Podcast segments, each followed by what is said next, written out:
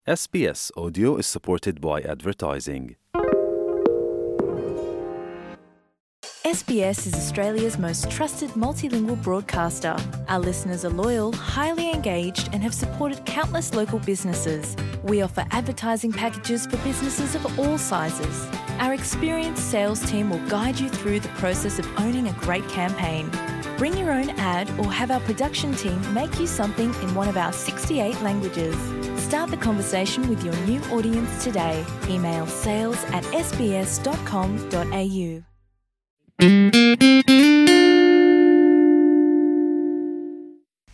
Gjatë kësaj jave, e tërë vëmendja e politikës së Maqedonisë së Veriut ka qenë e orientuar nga samiti i Brukselit me mbajtje dy ditore me konkluzione të qarta, por jo shpresëdhënëse për Maqedoninë e Veriut, por as edhe për Shqipërinë dhe kjo ka Nxitur reagime si nga kryeministri Edi Rama ashtu edhe nga politika e Maqedonisë së Veriut, ministri i Punëve të Jashtme ka qenë decidivisht i qartë se propozimi i Emmanuel Macron për një marrëveshje të mundshme Sofje-Shkup është i papranueshëm dhe pret nga presidenca franceze që deri në fund të mandatit, pra deri me tridhjetë qershor, të ketë një propozim të ri i cili propozim do të diskutohet nga institucionet relevante për marrjen e një vendimi në të mirë të të dy vendeve, por absolutisht politika në Shkup nuk do të udhëhiqet nga sulme hibride politikanë të zhgënjyer që mendojnë se mund të rikthejnë karrierën në valët e disponimit publik, ka thënë Bujar Osmani.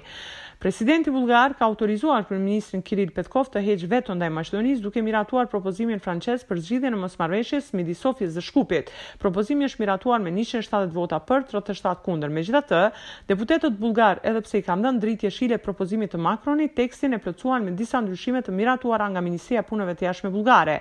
Bëhet fjalë për garancitë për ndryshime kushtetuese në draft-konkluzionet e Këshillit për qartësimin e qëndrimit bullgar për gjuhën maqedone si dhe garanci për zbatimin konsekuent të marrëveshjes për fqinjësi të mirë. Propozimin dhe ndryshimet i ka dorëzuar deputeti Hristo Ivanov dhe kanë marrë mbështetje nga partia e Kiril Petkov, Bojko Borisov dhe Mustafa Karadaj.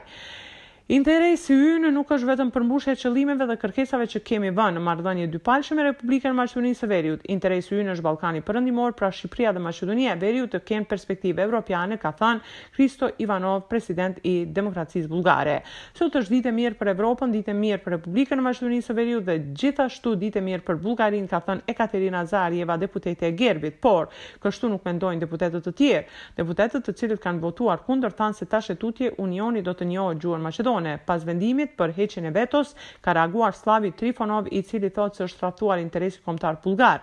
Në anën tjetër, Toshko Jordanov, deputet i Ka popull të tillë, thotë se maqedonasit do të mund të pretendojnë në çdo marrëveshje me cilindo shtet të Bashkimit Evropian të shkruajnë gjuhën maqedone, a një gjuhë e tillë, nuk ekziston dhe ky është qëndrim zyrtar i Bullgarisë.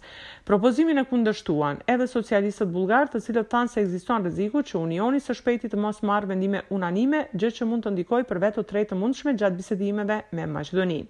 Një zgjidhje e Bashkimit Evropian është duke u përgatitur për një shumicë të cilësuar në vendimet e politikës së jashtme dhe ju që e përkrahni me kaq lehtësi propozimin francez nuk duhet ta injoroni këtë mundësi në vitet e ardhshme ka deklaruar Georgi Mihailov deputet i Partisë Socialiste Bullgare. Kryeministri Kiril Petkov pas votimit në Parlament ka thënë se është një vendim historik, duke theksuar se integrimi i Ballkanit Perëndimor është interes strategjik për Bashkimin Evropian. Ai ka sfiduar kryeministrin e Maqedonisë së Veriut Dimitar Kovaçevski të tregojë guxim të pranojë propozimin francez, qoftë edhe me çmimin e rënies së qeverisë në Shkup siç ka ndodhur në Sofje. Këtë Petkovi e ka thënë gjatë samitit të Bashkimit Evropian për median e Brukselit Politico. E di se rreziku për rënien e qeverisë është i madh. Si politikan duhet të sjellësh vendime dhe të luash rolin e duhur të stabilitetit, rolin të drejtosh kombin dhe të bësh hapa përpara dhe kjo i takon ta bëjë tani në këtë moment Dimitar Kovaçevskit, pa u menduar dy herë. Nëse futesh në histori për hapjen e dyerve të Bashkimit Evropian për vendin mendoj se është rezultat i mirë për një kryeministër ka thënë Kiril Petkov kryeministër bullgar.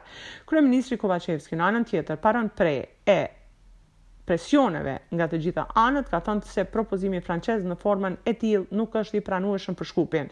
Samiti dyditor në Bruksel ka përfunduar me publikim të konkluzioneve, por presidenti Macron ka thënë se do të vazhdojë të punojë intensivisht gjatë ditëve në vijim me të dy palët, bullgare dhe maqedonase.